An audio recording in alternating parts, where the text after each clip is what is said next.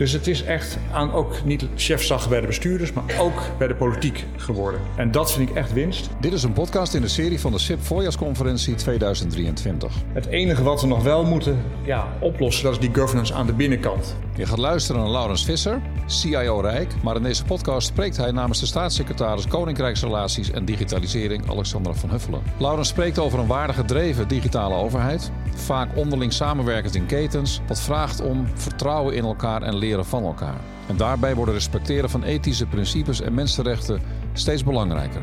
Laurens Visser. Ik zit in, letterlijk, zeg ik altijd, in een witte ivoren toren. Hè. Wij zitten dus in die witte toren, dat is het BZK. Um, en ik heb dan wat we noemen de grote pet. Uh, hè, dus BZK is gewoon een ministerie zoals alle andere er zijn. Er zijn nog elf andere. En uh, wij hebben dan een rijksbrede verantwoordelijkheid. Uh, coördinatie heet dat, coördinerende verantwoordelijkheid in dit geval op het gebied van ICT.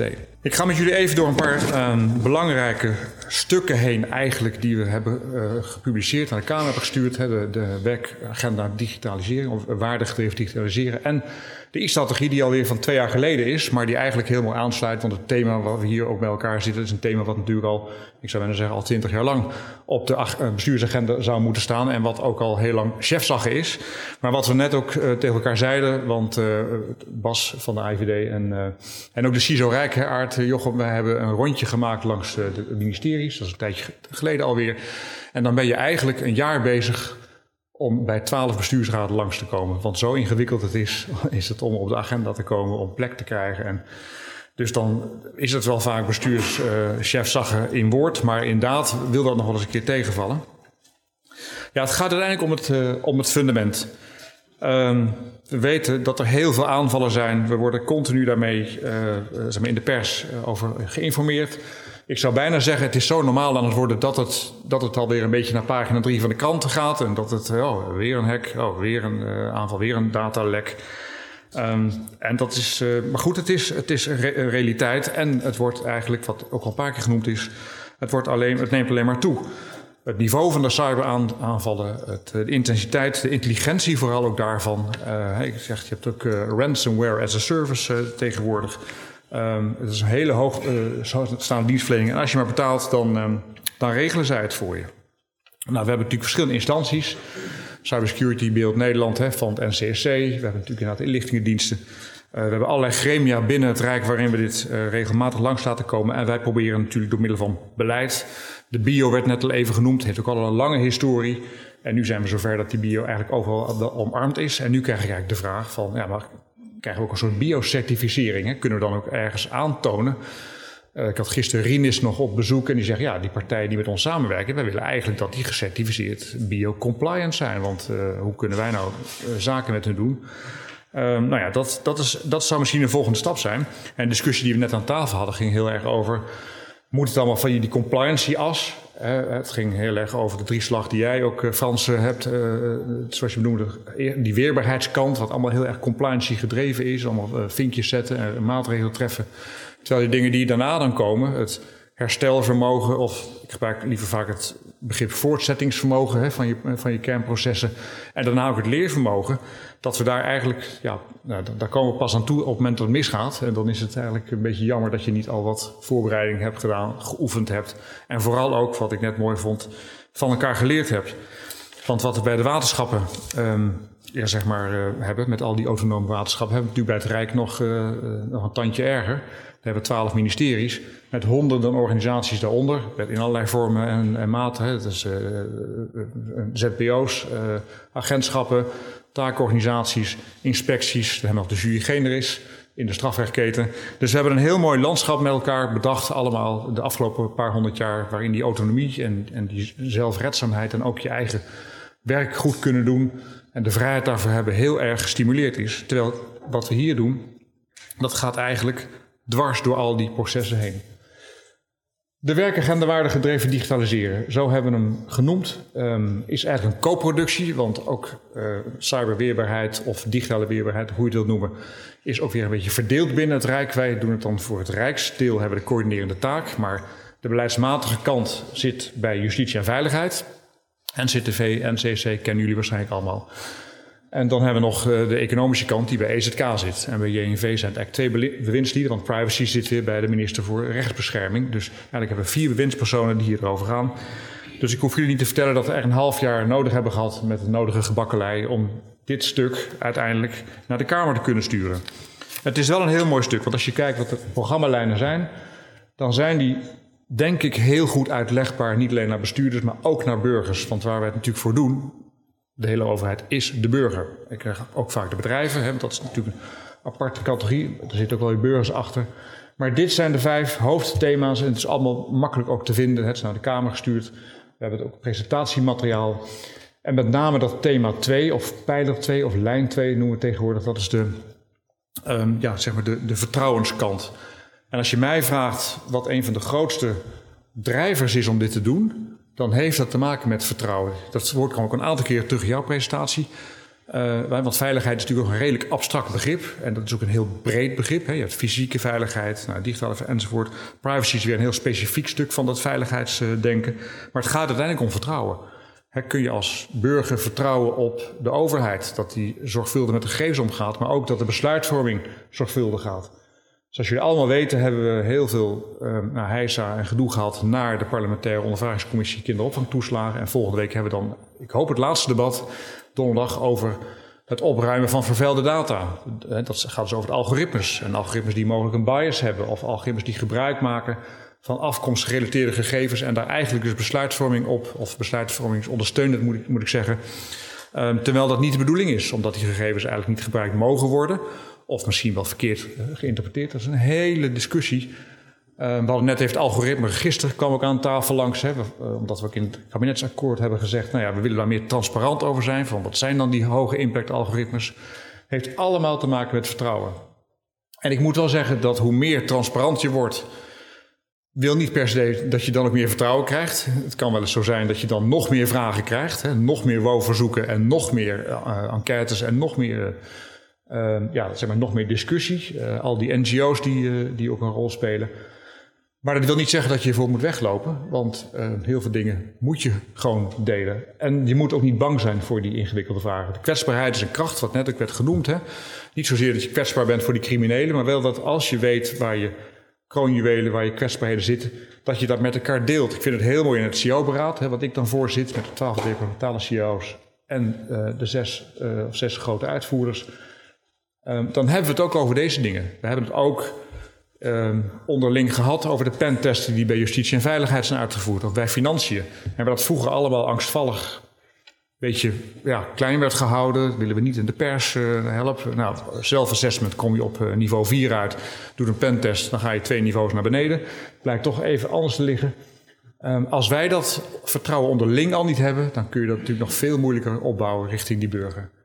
Dus die waardegedreven agenda, en dat thema 5 is dan, dat vind ik wel leuk om te zeggen, dat is het enige die dan echt over digitalisering en het Caribisch gebied gaat. Want ook daar moet het nodige versterkt worden. En die andere thema's zijn eigenlijk generieke thema's. En de I-strategie, die ik dan zo even kort laat zien, dat is dan vooral thema 4, want dat gaat dan over het overheidsdeel daarvan. Want bij dat thema vertrouwen 2, en dat is wat ik net ook zei, die staatssecretaris hè, die nu in Singapore zit, zit ook een hele belangrijke component aan marktpartijen. Hè, aan de big tech, aan de grote databedrijven, Googles, uh, Facebook, uh, Meta. Noem het allemaal op. Um, bedrijven waar wij natuurlijk veel gesprekken mee hebben waar ook discussie mee is. En nou, een heel mooi voorbeeld vind ik dat die AVG, hè, de GDPR, eigenlijk tot een soort wereldstandaard geworden is of aan het worden is. Onder meer omdat ze natuurlijk met strategisch leveranciersmanagement Microsoft hebben aangepakt. En dat hebben we als klein land gedaan, gewoon langs de GDPR-wetgeving, die Europees geldt natuurlijk. En het heeft wel tot effect gehad dat Microsoft eh, echt maatregelen heeft getroffen. En zegt, nou ja, wij gaan het ook doen en we laten dat ook zien dus dan hoop ik ook dat we dat, dat, dat kunnen aantonen, dat we dat kunnen auditen. Um, en dat ook andere landen daar profijt van hebben. Nou ja, dat, dat vind ik een, mooie, uh, zeg, een mooi effect wat je hebt als je dus toch probeert als klein land daarin op te treden en daarin je burger te beschermen. Dit zijn eigenlijk, dit is dus thema 2 wat ik net zei, hè, dat is het vertrouwensdeel een beetje uitgewerkt. Want we hebben dus rondom elk thema hebben we doelen geformuleerd, hebben we acties geformuleerd. We hebben om de zoveel weken ook een werkgroep waarin we dus de hele status van al die acties volgen. Want het gaat natuurlijk, sommige acties zijn al uitgevoerd, sommige duren een jaar, sommige duren veel langer. Ehm, maar we willen hem zo concreet mogelijk maken dat we ehm, echt resultaten boeken. Nou, er staan een paar daar bijvoorbeeld, hè, IAMA, mensenrechten het gaat echt over die algoritmes. Uh, we proberen voor de zomer nog dat kader, implementatiekader, algoritmes naar de Kamer te sturen. Nou, we zitten nu in het besluitvormingsproces. En de eerste versie daarvan is eigenlijk alleen maar een kader uh, waarin alles samengevoegd is wat al bestond. In allerlei regels. En daarvan willen we dan um, een versie naar de Kamer sturen. Wat goed geformuleerd, we hadden het net ook weer over taal. Alles wat wij naar de Kamer sturen, dat moet ook zo begrijpelijk mogelijk zijn voor niet-IT'ers. Er zitten maar twee IT'ers in de Kamer. Maar er zijn heel veel andere mensen die zich met mensenrechten, met publieke rechten, uh, met al die andere thema's bezighouden. Dus daar, daar, spenderen we ook veel tijd aan. En ook deze waardegedreven agenda is ook al een, vind ik zelf, een goed leesbaar stuk. Waarin weinig, uh, of zo, zo, min mogelijk slang, uh, IT-slang terugkomt. Um, er zit ook een hele erge sterke kant aan die andere waarden. Hè. Dus kinderen wordt die bijvoorbeeld genoemd. Nou ja, we hadden het ook aan tafel nog even over het, het appbeleidbrief wat we hebben gemaakt naar aanleiding van de Kamervraag over TikTok. Nou, TikTok is niet alleen maar een veiligheidsrisico, maar is ook een privacyrisico en dan specifiek nog voor kinderen.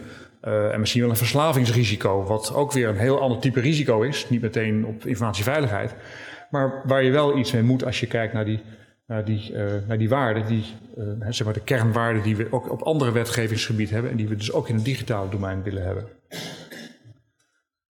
Um, een paar dingen, non-discriminatie, dat noemen we net eigenlijk al iets, menselijke waardigheid. Uh, we zitten natuurlijk ook heel erg met de proportionaliteit en subsidiariteit. Hè. Dat zijn kernbegrippen in openbaar bestuur die ook hier weer ziet terugkomen. Hè. De, de datahonger die vaak genoemd wordt in de pers of ook door de Kamer. Ja, is dat eigenlijk wel nodig? Hè? Heb je al die gegevens nodig en moet je al die gegevens ook weer opnieuw uh, gebruiken om tot een besluit te komen? Of kun je met afgeleide gegevens of met minder gegevens tot hetzelfde besluit komen? Het is heel ingewikkeld, want je ziet het op alle vlakken terugkomen als het gaat om Groningen dossier, als het gaat om de hele toeslagenaffaire. En dan, is, dan verhoudt zich dit vaak weer niet met rechtmatigheid. Uh, en eigenlijk zou je kunnen zeggen dat in al die thema's zie je toch terugkomen wat, wat accepteer je nog als, ik zou maar zeggen, waar zit hier tolerantie nog op, op fouten of op ruimte of op marges en waar niet. En als je natuurlijk aan de specialisten vraagt, hè, zien jullie ook wel, dan zeg je, nou ja, informatieveiligheid, dat moet boven aan de priolijst staan. Nou, als je al je geld daaraan uitgeeft, dan kan het niet meer aan andere dingen. Dan heb je misschien wel hele veilige systemen, maar dat wil niet zeggen dat je dan nog uh, schoon drinkwater uh, kunt, kunt produceren.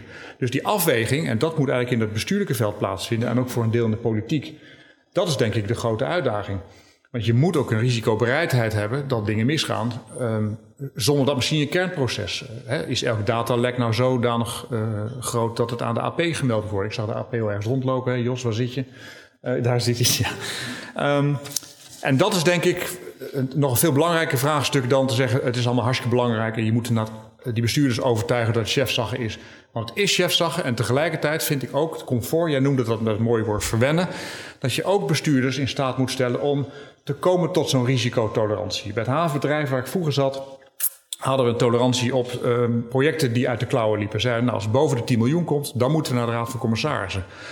Um, incidenten in de haven. Er zijn gewoon incidenten. Milieu-incidenten, uh, er kunnen olielekkage zijn. Maar we accepteren geen dodelijke slachtoffers. Nou, best moeilijk nog dat causaliteit en zo en maatregelen en wat je ermee voorkomt. Maar dat gesprek moet je wel aangaan. En juist wat het voor de operatie betekent. En niet alleen maar dat je dus met al die maatregelen voorkomt dat er een datalekje.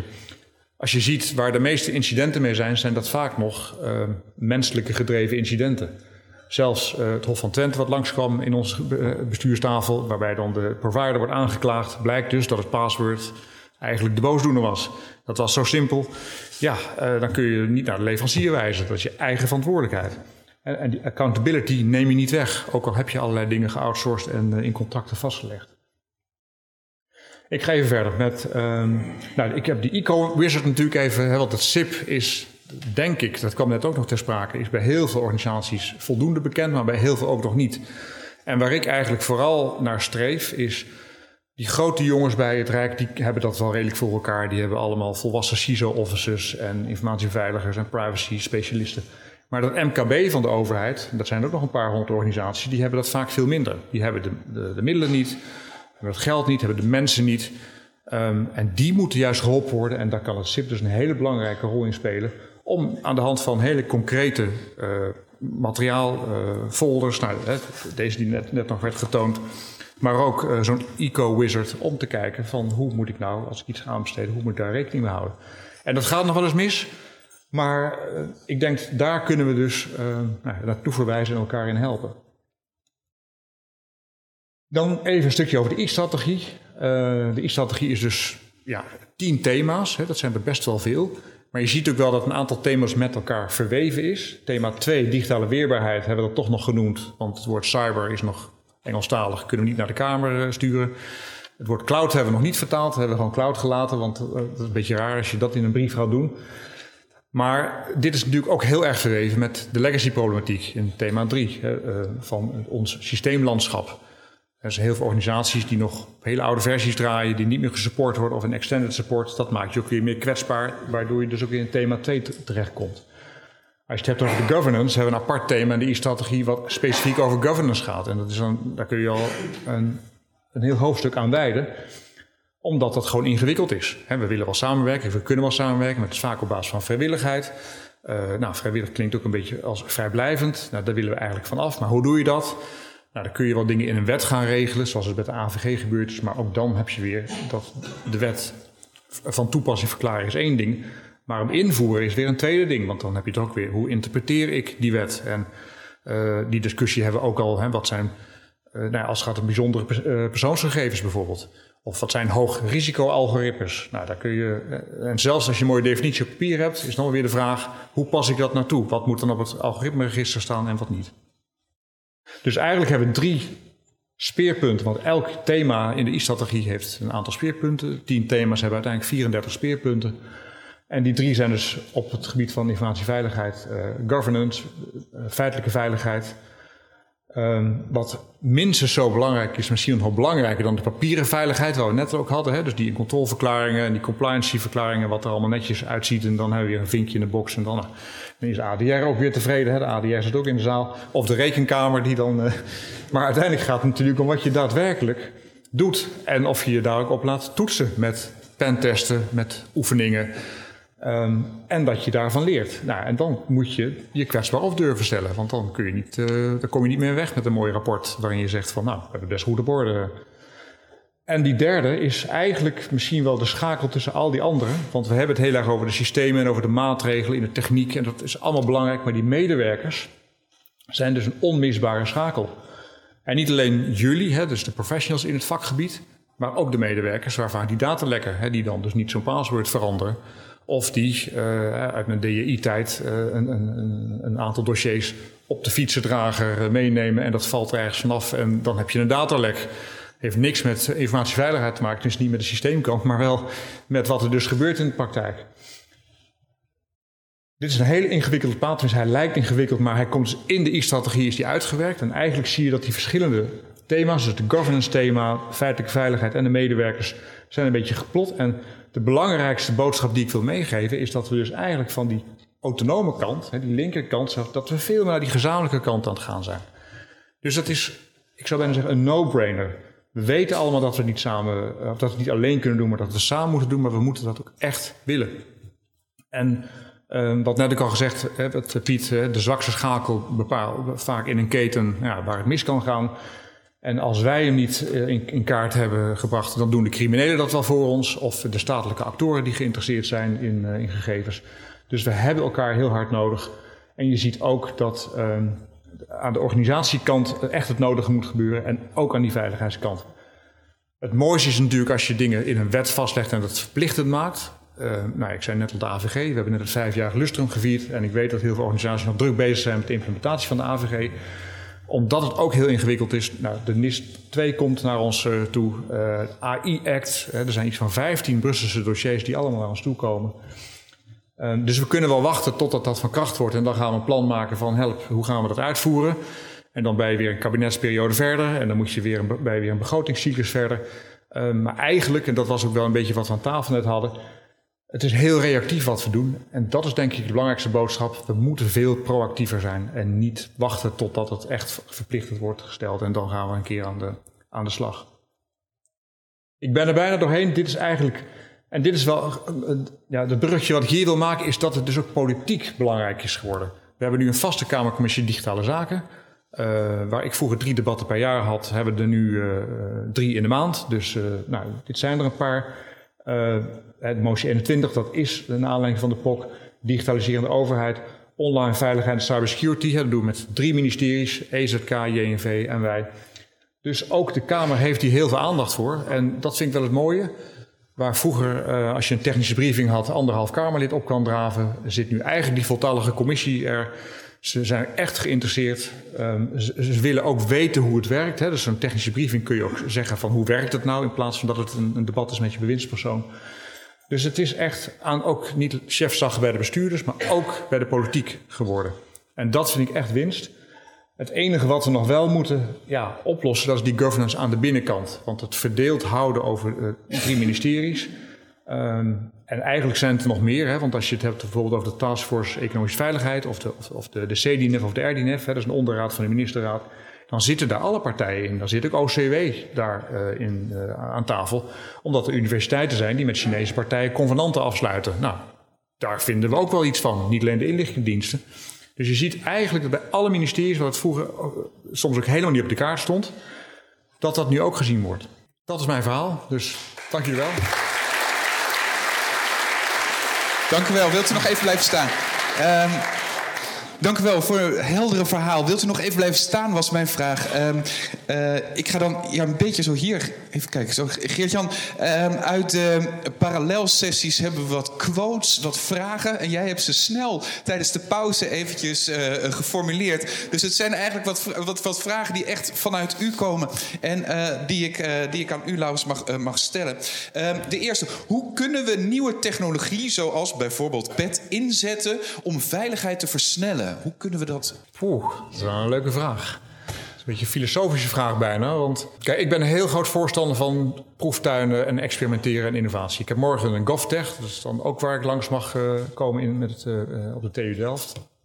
En ik vind eigenlijk dat we, ik zou bijna zeggen dat we bij de overheid dat we daar toch een beetje uh, te schichtig in zijn. Ja. En dat is omdat we vaak te hoge verwachtingen hebben van die innovatie. En ik zeg altijd, een proeftuin, ook als die mislukt is, is die toch geslaagd. Maar we willen allemaal dat geld hè, van de belastingbetaler goed uitgeven. Dus als we zeggen, nou ja, maar we gaan nu een proeftuig doen van, van een miljoen. Ja, en dat het mislukt, ja, dan zegt iedereen een miljoen over de balk. Terwijl aan de andere kant hebben we natuurlijk de ICT-projecten die soms wel twee, drie keer over de kop gaan. En, dus ik denk dat dat, erkennen, hè, van wat zijn er aan ontwikkelingen, daar kunnen overigens ook bedrijven ons heel erg mee helpen. Want we hebben niet ook, hè, thema 10 gaat over de uh, samenwerking met de markt om dat gewoon in te richten. En zeker om, omtrent algoritmes uh, denk ik altijd van... dat kun je fantastisch testen. Dat kun je met fake data doen. Dat kun je met geanonimiseerde, gepseudonymiseerde data doen. Je kunt tijdreizen uh, met IT. Hè. Je kunt tien jaar kun je in drie minuten doen... om te kijken wat dat gebeurt. Hè. Of er een bias insluipt. Nou ja, dus ik denk dat er heel veel kan... maar dan vooral aan die proefnemingkant... en niet meteen te hoge verwachtingen hebben van... ja, maar als we dit nou gaan doen... Ja, dan moeten we dat opschalen en dan moet het tot succes leiden. Uh, juist verwachtingloos aan dat soort. Uh, maar dat eigenlijk wat, wat jij, Piet, zei: move before. Move before you're ready. Move before. Ja, move before you're ready. Act before you think. Um, zou oefenen, bijvoorbeeld, dit sluit wel aan. Zou oefenen, bijvoorbeeld game simulatie, niet eens verplicht, een verplicht karakter moeten krijgen? Wat is uw visie daarop? Ja, verplicht klinkt altijd zo van dan, dan, dan moet je het dus doen. Dan wordt het weer een vinkje. Hè? Ja, we hebben ja. dus één oefening gedaan. Uh, nou, dus we zijn, uh, we zijn oké. Okay. Terwijl ik. Um, en je ziet, we hebben een aantal grote oefeningen. Hè? Isidor is een mooie, de Rijksbrede oefening. Waar veel partijen echt met vol enthousiasme aan meedoen. Dus dat, dat helpt ook. Um, ik geloof wel in, het, in dat bijvoorbeeld transparant maken. Een mooi voorbeeld vind ik wel toen ik bij uh, DJI nog zat. Toen uh, was ik de trekker van de implementatie van de AVG uh, voor heel JNV. Dus ik deed dat samen met een programmamanager en we hadden een mooi overzichtje gemaakt hoe staat het ervoor. En er waren twee partijen die zeiden, ja, maar wij zijn autonoom, wij zijn sui generis, weet je, wij doen, wij doen het zelf wel. Ik zei, nou prima, ja, uh, OM, rechtspraak en politie, hè, ik, ik, noem verder geen namen.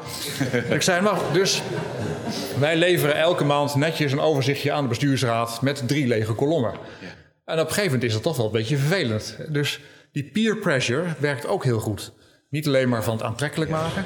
Maar ook ehm, ja, als het waterschap uh, A en Maas het wel doet en jij bent de buren, uh, ja, ja, ja, op een gegeven moment krijg je misschien wel vragen van je bestuur, maar waarom doen wij dan niet in mee? Dus, um, en verplichten, dat kan bijna alleen maar als je het in een wet vastlegt of een algemene maatregel van bestuur. Nou, een wet ben je jaren verder, dan, dan moeten er weer 23 abonnementen opkomen ja, en zo. Ja. Dus ik geloof dus, dat je het ja. En en moet doen. Dat, uh... Duidelijk, mooi. Laatste, ik kan het niet helemaal lezen, dus die moet jij even. Ja, je hebt, eigenlijk heb je deze al een beetje geraakt, uh, Laurens. Bestuurders moeten verwend worden om een rol als verantwoordelijke te kunnen nemen. En tegelijkertijd, verwennen betekent ook prikkelen.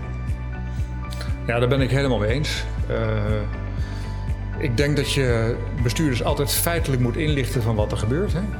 En de bestuurders waar ik, maar ook zeg maar heel veel ministeries mee te maken hebben, dat zijn dan vaak de bestuursraden of de politieke bestuurders.